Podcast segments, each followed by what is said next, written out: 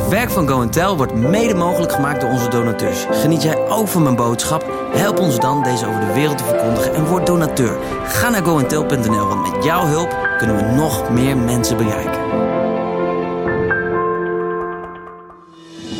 De zomervakantie is weer in aantocht en daarom versturen wij tot 1 juli alle bestellingen uit onze webshop gratis naar je toe. Ga jij deze zomer op avontuur of rust je liever even uit? Wat het ook wordt, het is altijd extra genieten met een goed boek. Wil je jouw favoriete cd, boek of accessoire zonder verzendkosten ontvangen? Ga dan naar onze webshop en bestel vandaag nog op coentel.nl slash webshop.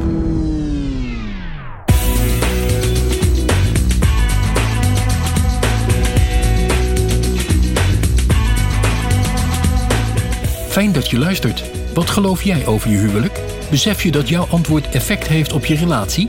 David en Joyce vertellen hierover in deel 2 van Getrouwd zijn.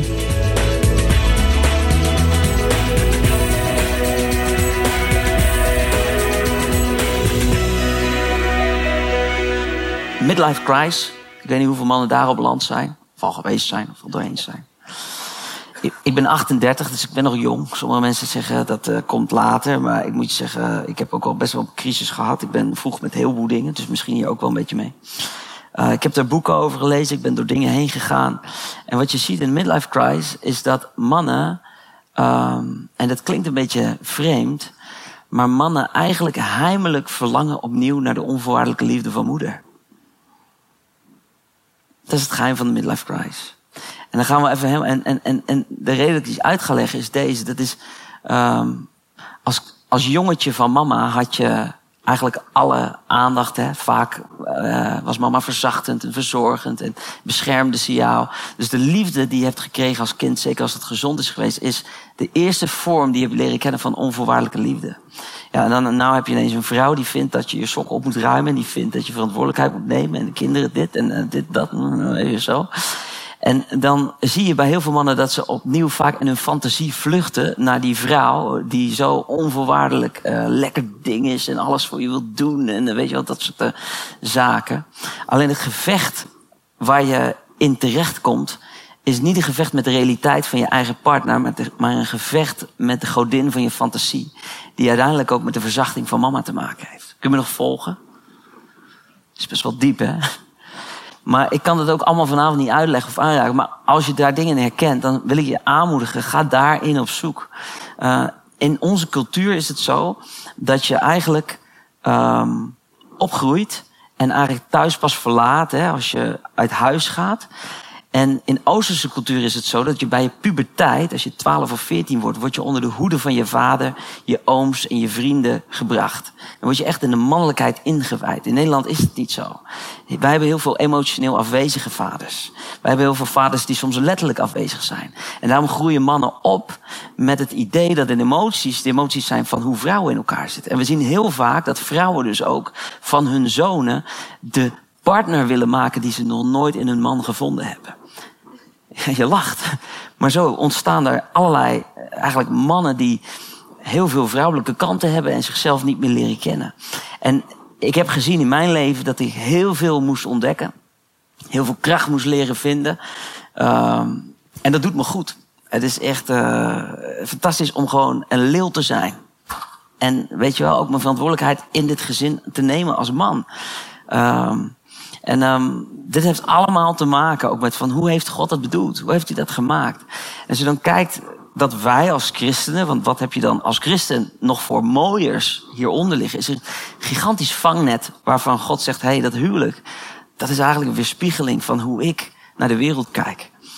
En dan zie je dat we een God dienen die zei, ik leg mijn leven af voor jou. Dus niemand is groter, zegt de Bijbel, dan hij die zijn leven aflegt voor zijn vrienden. Um, en daarmee komt het minder goede nieuws dat een goed huwelijk ook gewoon betekent sterven aan jezelf.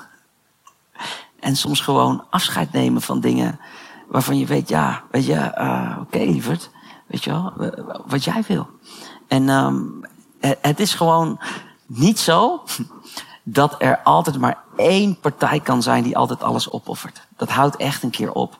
Of je nou gelovig bent of niet, dat kan niet. Dus je moet een balans vinden uh, van ontvangen en van geven. En de krachtigste manier om dat samen te vinden is als je in kwetsbaarheid over je behoeftes leert te praten. Um, en nog even dat samenvattend. Mensen zijn niet zo heel ingewikkeld. Mensen worden gedreven door twee behoeftes. En dat is of door pijn dat ze ontwijken, of plezier wat ze ergens aan ontvangen. Tussen die twee ben je altijd aan het bewegen. En zelfs als je iemand pijn doet, is dat vaak om je eigen grotere pijn nog weer weg te drukken. Als je dat snapt, als je dat begrijpt, dan kun je ook zorgen dat je plezier hangt aan een soort van beloning. Dat als je kwetsbaar durft te zijn. dus dat je tegen bepaalde pijnlijke trajecten weet, ja, maar daarachter ligt iets moois. En dat kunnen vaak mensen alleen maar vertellen als ze daar geweest zijn.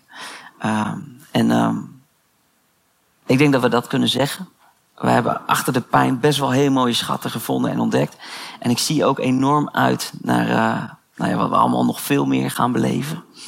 En um, ik ben ook dankbaar dat we, nou, God hebben als, uh, als, als, als, als beeld van het huwelijk. En dat dat ook gewoon inleven is. En samen uh, zoeken naar mooie dingen. En wij zeiden gisteren tegen elkaar um, van de week, weet je wat mooi is, is als je ook echt samen een relatievisie schrijft. Uh, en wat we daarmee bedoelen, is dat heel veel mensen weten eigenlijk niet wat ze precies willen of zoeken in een partner. Ja, het is zoals het is. Maar als je onder woorden kunt brengen wat je echt graag samen wil. En het daar samen eens over worden kan. Dan kun je met heel veel kracht daar ook samen naartoe gaan leven. En zeg, zo is het zoals het voor ons is, wat wij prettig vinden, waar we naar uitzien. En uh, de Bijbel zegt, mijn volk gaat onder vanwege een gebrek aan visie. En heel veel mensen hebben wel visie voor de kerk, of visie voor God, of visie soms voor het bedrijf. Maar visie voor je huwelijk, dat is echt wel uh, essentieel. Dus um, ik denk dat we, we can wrap up, hè? Genoeg ja, gezegd? Ja, kijk. kun jij misschien... Uh... We hadden inderdaad, zeg maar... Uh, jullie zijn echt gekomen om even naar ons verhaal te luisteren. Maar we willen je echt uitdagen inderdaad om, uh, om een relatievisie te schrijven thuis. En dat is iets wat je alleen met je partner zelf kan bepalen. En we gaan je ook niet navragen of je het gedaan hebt. Maar ik hoop wel dat zeg maar, wat we hebben verteld je uitdaagt om het te doen. En we hebben even, zeg maar, het is heel simpel. We hebben een paar vragen die je op kan schrijven. Als je telefoon bij je hebt of iets. Wat je mee naar huis kan nemen. En nou ja, wanneer je daar de tijd voor hebt en uh, samen klaar voor bent, dat je daar tijd voor kan nemen. De eerste vraag die je op kan schrijven is: wat geloof, wat geloof ik over mijn relatie? En uh, nou, daarbij behorende vraag: wat geloof ik over de persoon waar ik mee getrouwd ben? Dus over de, wat geloof je over de relatie en ja, over de persoon zelf waar je getrouwd mee bent. En mag ik even aanvullen? Waarom dat zo essentieel is, is namelijk als je dingen gelooft over je relatie die niet oké zijn, is dat ook de reden waarom je niet gelukkig bent. Dus je zult eerst de leugens eruit moeten halen. En een van de leugens is, jij moet mij gelukkig maken. Dat is niet de waarheid. Wat je gelooft over je relatie is dat je weet, hé, hey, wacht, als ik van mezelf leer houden, kwetsbaar durf te zijn. En wat ik mijn therapeuten heel vaak heb horen zeggen, en waar ik altijd van dacht, nou, ik weet het niet. Zo van, hij zei altijd van, ja, er is niet zoiets als de ware, waar iedereen van zegt, er is een de ware. Hij zegt, mag je partner ook gewoon een goede partner zijn? En eh, natuurlijk geloven wij in de ware, maar dat is ook wel een beetje het sprookje van, heb je de one, prins op het witte paard, maar die prins valt een keer van zijn paard. En als hij dan van zijn paard valt en jouw beeld is dan aan diggelen van ja, dit, dit klopt dan niet met mijn beeld, dan kun je ook niet in die kwetsbaarheid verder bouwen aan wat je wel gelooft. En het is zo belangrijk dat je geloofssystemen, wat geloof ik over mezelf, wat geloof ik over mijn relatie, dat je dat onder de loep neemt. En dat als je merkt dat het een beetje toxic is, dat je daar met je partner over praat of met iemand van buitenaf. En help mij om recht te krijgen met hoe mag ik mezelf, mijn partner zien. En zorg dat dat een reëel beeld is en geen Hollywoodbeeld.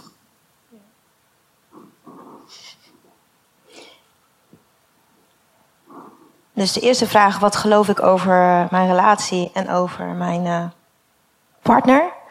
De tweede vraag, nou ja, hoe zou je willen, hoe zou ik willen dat mijn relatie is? En hoe zou ik willen dat mijn partner in zijn haar vel zit? Dat is misschien wel heel leuk om even als kleine aanvulling te vertellen. Is dat we ook afgelopen jaren, doordat we meer hebben geleerd over onszelf en over elkaar, dat we ook op bepaalde vlakken echt gewoon een gezonde afstand konden doen van dingen waarvan ik weet, hé, hey, dat past echt goed bij mij. En hey, dat past echt goed bij hem. Maar sommige dingen, ja, wij doen eigenlijk liefst alles samen. Want wij, zijn, wij houden gewoon van om dingen samen te doen. Maar het is ook goed om te ontdekken dat als ik soms iets niet leuk vind, dat, dat, dat het gewoon kan, omdat ik een ander persoon ben. En dat ik niet altijd hem mee hoef te hebben. En andersom. En dat je soms ook gewoon net wat meer, uh, ja, meer uit hoe zeg je dat? Uit de verf komt op het moment dat je alleen functioneert. En ook, je bent wel een huwelijk, je bent samen, maar je hoeft niet alles samen te doen. Je hebt ook een gezonde manier van dingen ook alleen kunnen doen en daarmee tot bloei kunnen komen. Dus vraag 2, nou, hoe zou je willen dat je relatie is? Of hoe zou ik willen dat mijn relatie is? En hoe wil ik uh, dat mijn partner in zijn haar vel zit? Ook op het gebied van dromen, op het gebied van passie. En dan is de laatste vraag, dat is eigenlijk uh, ja, wat David net al zei. Van, hè, wat, hoe groot is het gat tussen vraag 1 en vraag 2? En welke stappen kun je samen zetten om dit gat dicht te maken? Dus met behulp van uh, nou, een stuk geloof wat je ook inzet rondom je relatie. Ik herhaal nog even de laatste vraag. Hoe groot is het gat tussen vraag 1 en vraag 2? En welke stappen kun je samen zetten om dit gat te dichten? In combinatie met uh, wat je gelooft over je relatie en over jezelf. Ja. Als afsluiting aan één ding denk ik. Ik heb wel eens mensen horen zeggen: wij hebben nooit ruzie. dan dacht ik altijd: hè? Kan toch helemaal niet, weet je? Er zijn echt mensen die zeggen: nooit ruzie. Maar als je dan dieper gaat onderzoeken, dan hebben ze altijd stilzwijgende ruzie. En dat is net zo erg, soms wel erger, omdat je eigenlijk niet aanraakt waar het echt over gaat. En dan ben je alle twee heel eenzaam. Dus dan ben je wel, je hebt wel geen ruzie. Maar het is ook niet echt gezellig. dus uh, ja, er is uh, werk aan de winkel. Hè? Ja, dat is er zeker. En het is echt, uh, dat zeg ik nog één keer, maar dat is echt omdat ik het nu echt geloof. Het is echt de moeite waard. En ik wil het echt iedereen adviseren. Want uh, een relatie is nou, een van de mooiste dingen die God heeft gegeven. En het kostbaarste. Wat we soms te veel voor lief nemen. Dus uh, steek er energie in. Steek er geld in. Zet er wat anders voor opzij. Doe dat gewoon. Want, uh... wij hebben in de Simply Jesus app hebben wij vier video's staan over huwelijk en relatie met onze therapeut. en die kun je gewoon gratis bekijken. Ja. Dus moeite waard. Hey, wij willen dit uh, stuk van ons samen afsluiten eigenlijk met een, uh, een korte Q&A. Dus, uh, is dat niet helemaal aan het einde? Want ik zit even... Volgens mij gaan we qua tijd... Tijd laat ik wel een beetje los, zou ik zeggen. Straks hebben we wat fris en dan doen we wat pijn. Alright. Ja, dat staat okay. los hè, van de Q&A. Ik denk dat dat dit bij Mark Top. Nou, we hebben heel veel uh, dingetjes aangeraakt, maar we kunnen ons ook wel voorstellen dat jullie uh, misschien ook nog wel dat we nog wat vragen hebben opengelaten bij jullie. Dus uh, nu is je kans om ons te vragen wat je wil vragen. Ik zou zeggen, steek je hand even op als je, als je wat hebt. Denk er eerst even over na.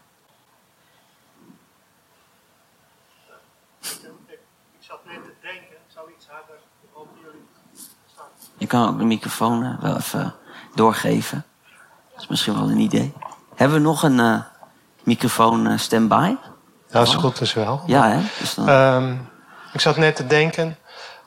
dat schildpadgedrag in de chimpansee, dat, dat herkennen wij ook wel. Maar op het moment dat je in een conflict bent, dan denk je net even niet aan die schildpad en die chimpansee. Exact. Klopt. Ja. ja, dus kijk, sowieso, als je in conflict bent, dan noem je dat een, dan heb je een geflipt brein. Uh, en dat duurt sowieso 15 tot 20 minuten voordat dat bedaakt is. Het is ook goed om dat te onthouden. Want anders dan maak je het alleen maar erger. Dus soms, ik weet nu ook met haar dat ze gewoon zegt van Daaf, ik heb even tijd nodig. En dan weet ik van, oh ja, wacht even. Ik heb met die schildpad te maken. Ik laat hem maar even gaan. Uh, want daar ben ik straks beter mee af dan dat ik nu ga drammen, zeg maar. Um, En daar ben ik goed in. Eh, eh, op de, ik, ver- verbaal ben ik ook sterk. Eh, dat is niet altijd eerlijk. Ehm, al voelt dat wel dan soms lekker. Maar dan heb ik de oorlog verloren. Snap je? Uiteindelijk gaat het om het contactherstel. En dat is wat je samen wil. Ja, en, maar voor mij, ehm, hè, omdat ik in- inderdaad merkte van, nou, hè, dat moet hij dan maar inderdaad even goed stroomlijnen. Op het moment dat er zo'n conflict eh, ontstaat. Maar ik merk zeg maar nu ook dat die conflicten die komen wel, hè, die, die houden niet op. Maar je, wordt, je gaat je inderdaad bewust worden van wat er gebeurt. Dus ik merk waar ik voorheen inderdaad onbewust ja, gewoon me afsloot van binnen en dacht dat ik dat niet deed, voel ik nu wat er van binnen gebeurt. En is het vooral belangrijk dat ik ehm, aangeef wat er gebeurt. Zeg maar. Ik weet nog niet wat er allemaal gebeurt, maar dat ik eigenlijk gewoon zeg van... hé, hey, ik merk, het gaat niet goed. Ik word onrustig van binnen. Ik, heb even tijd nodig.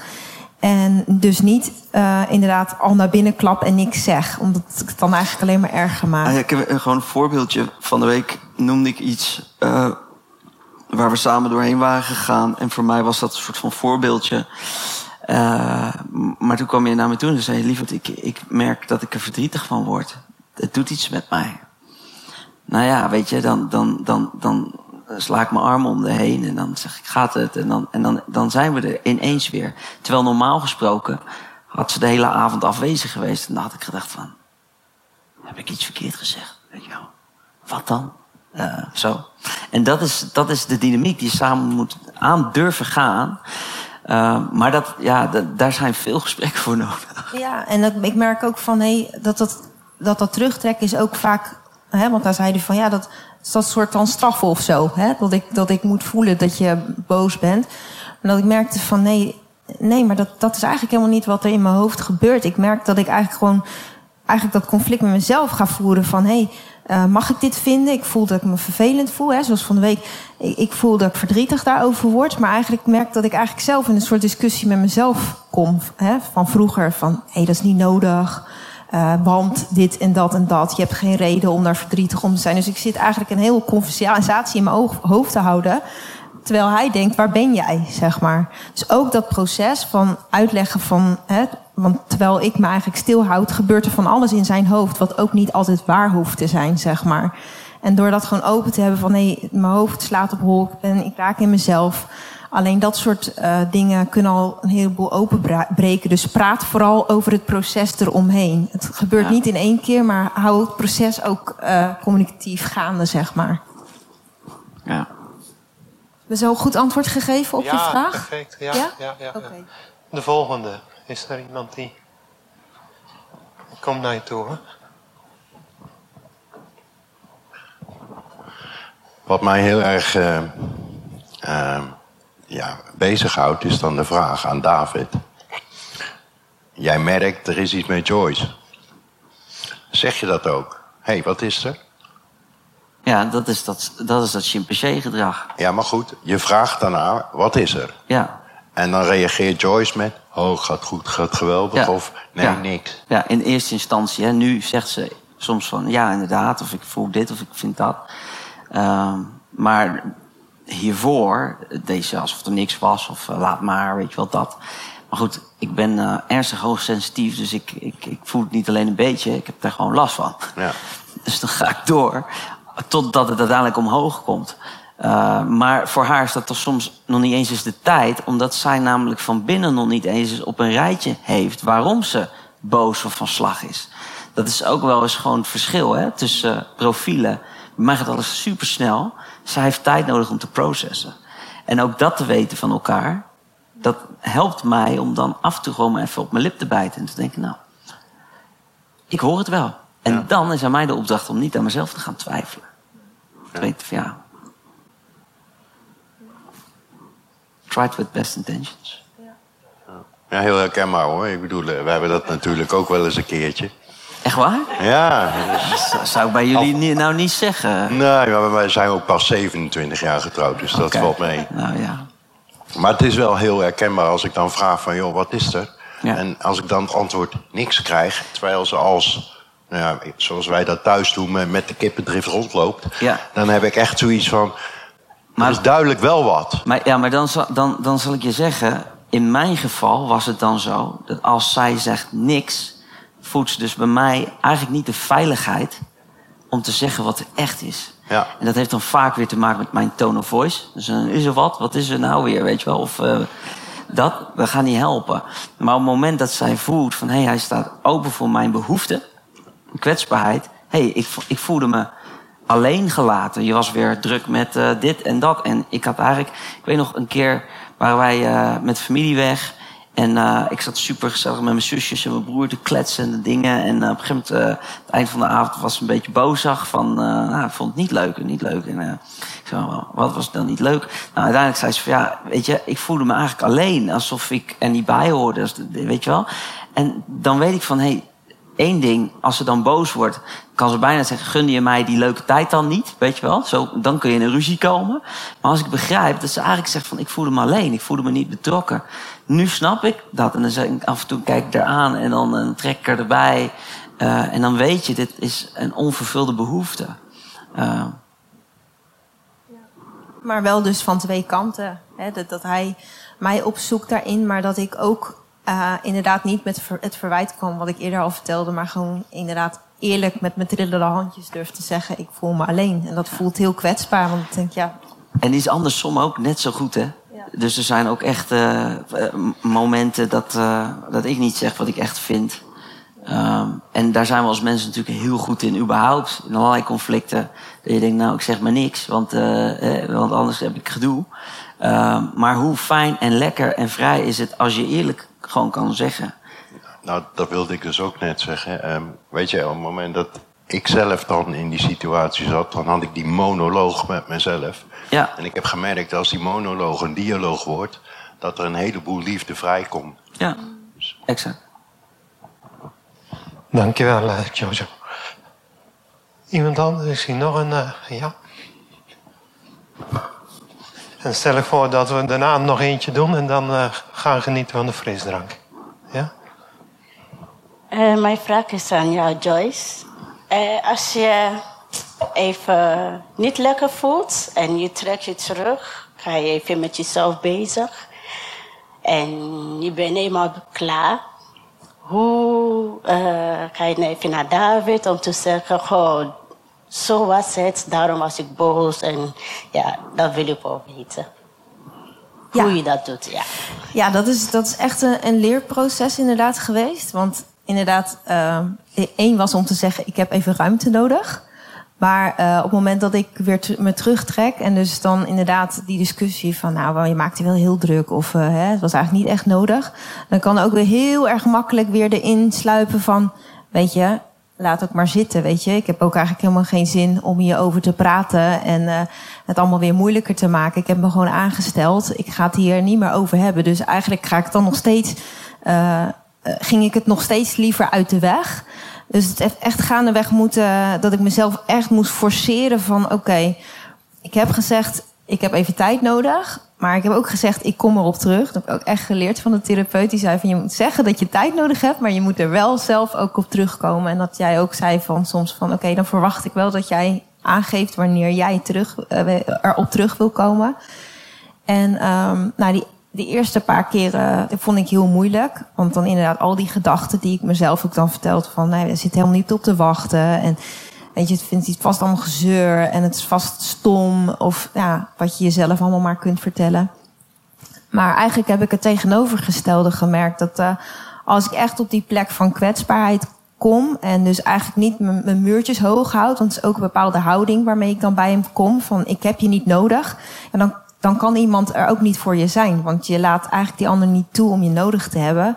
Maar dat ik echt in kwetsbaarheid bij jou kwam. Dat ik echt merkte van hé, hey, maar dan gaat die deur ook open. Dan kan hij er ook echt voor mij zijn. En eigenlijk doordat dat steeds beter ging, dus ik ging uh, meer dingen aangeven of kwam erop terug. En dan groeide die veiligheid eigenlijk steeds meer. Dat ik merkte van, hé, hey, als ik het op een bepaalde manier communiceer, dan kan hij ook voor me zijn. En net als ik zeg, ik raak nu in paniek en ik, ik word heel onrustig, allemaal dingen tegelijk. En je hebt het schema weer helemaal omgegooid en je weet hoe dat gaat in mijn hoofd. En dat hij dan even een arm om me heen slaat en dan voel ik Eigenlijk heb ik hier gewoon behoefte aan. Eigenlijk heb dit is wat ik eigenlijk zoek en wat ik eigenlijk zo lang niet heb toegestaan in onze relatie. Omdat ik dacht, ik doe het allemaal zelf wel. En ik los het allemaal zelf wel op wat er in, in me omgaat. En eigenlijk gewoon een beetje als een loner. Als iemand die denkt dat je, dat je het huwelijk alleen moet doen of zo, weet je wel. En, en de moeilijke dingen.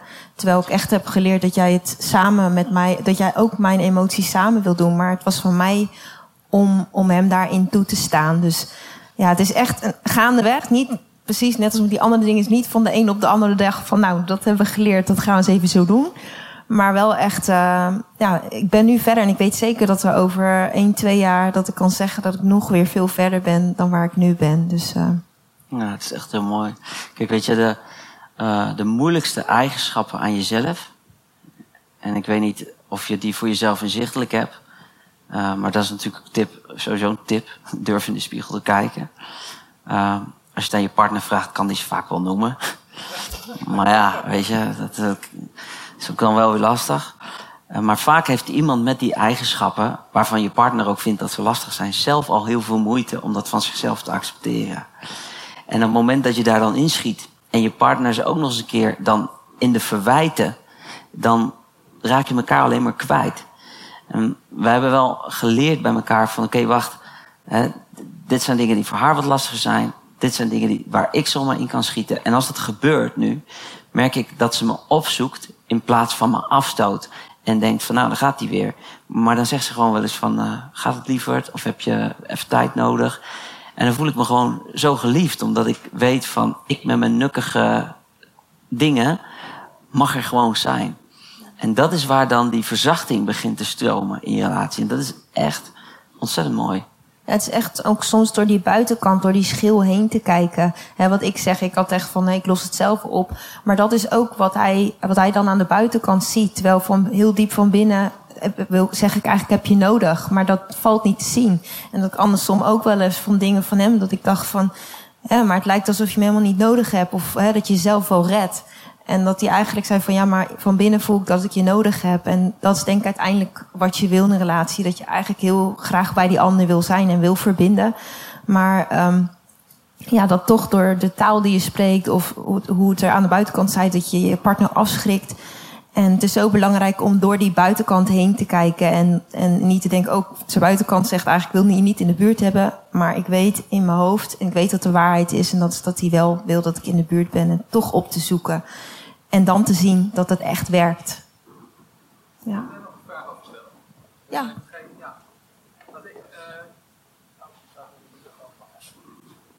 Ja, oké. Okay. Um, waar, waar, waar, ik wel benieuwd naar ben is, um, want je zei net zo van ja, dat, dat je dan, jij met je nukkigheid en dan verwacht je toch dat zij je lief heeft.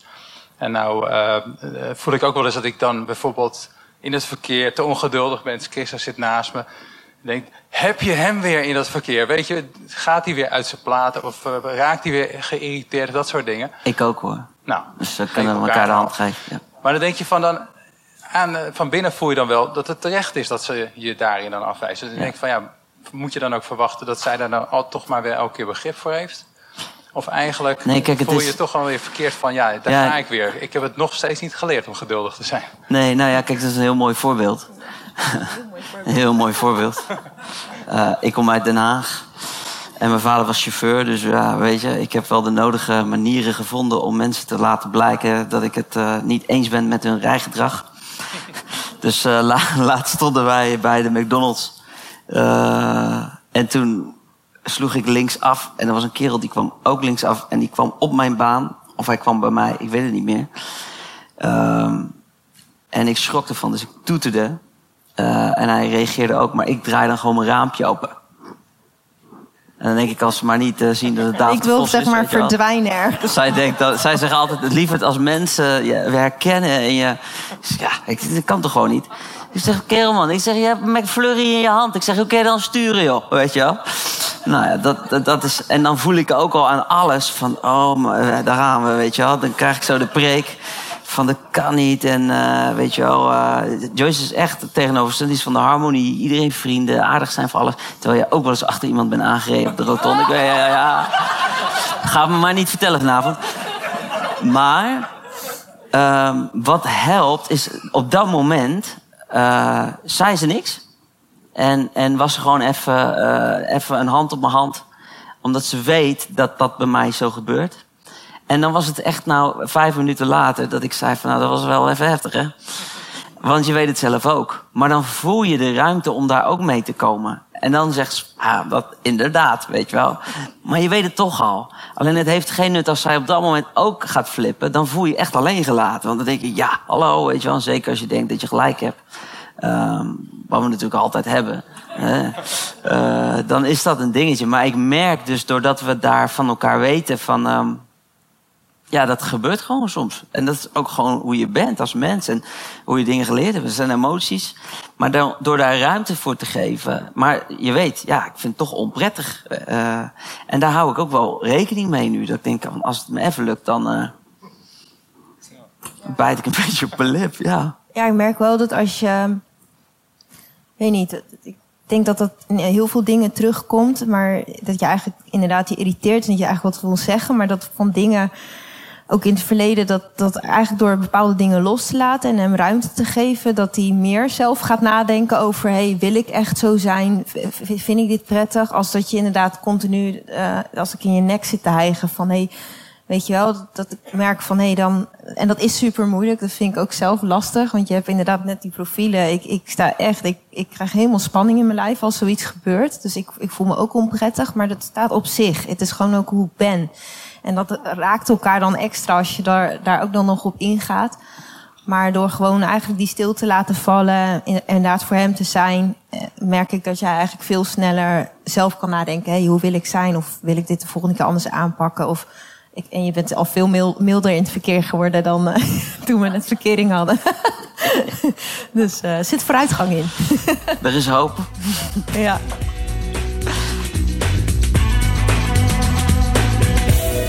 Dat was hem, deel 2 van Getrouwd zijn. Wil je reageren? Dat kan altijd op info.goentel.nl. En luister volgende week weer naar een verse nieuwe podcast.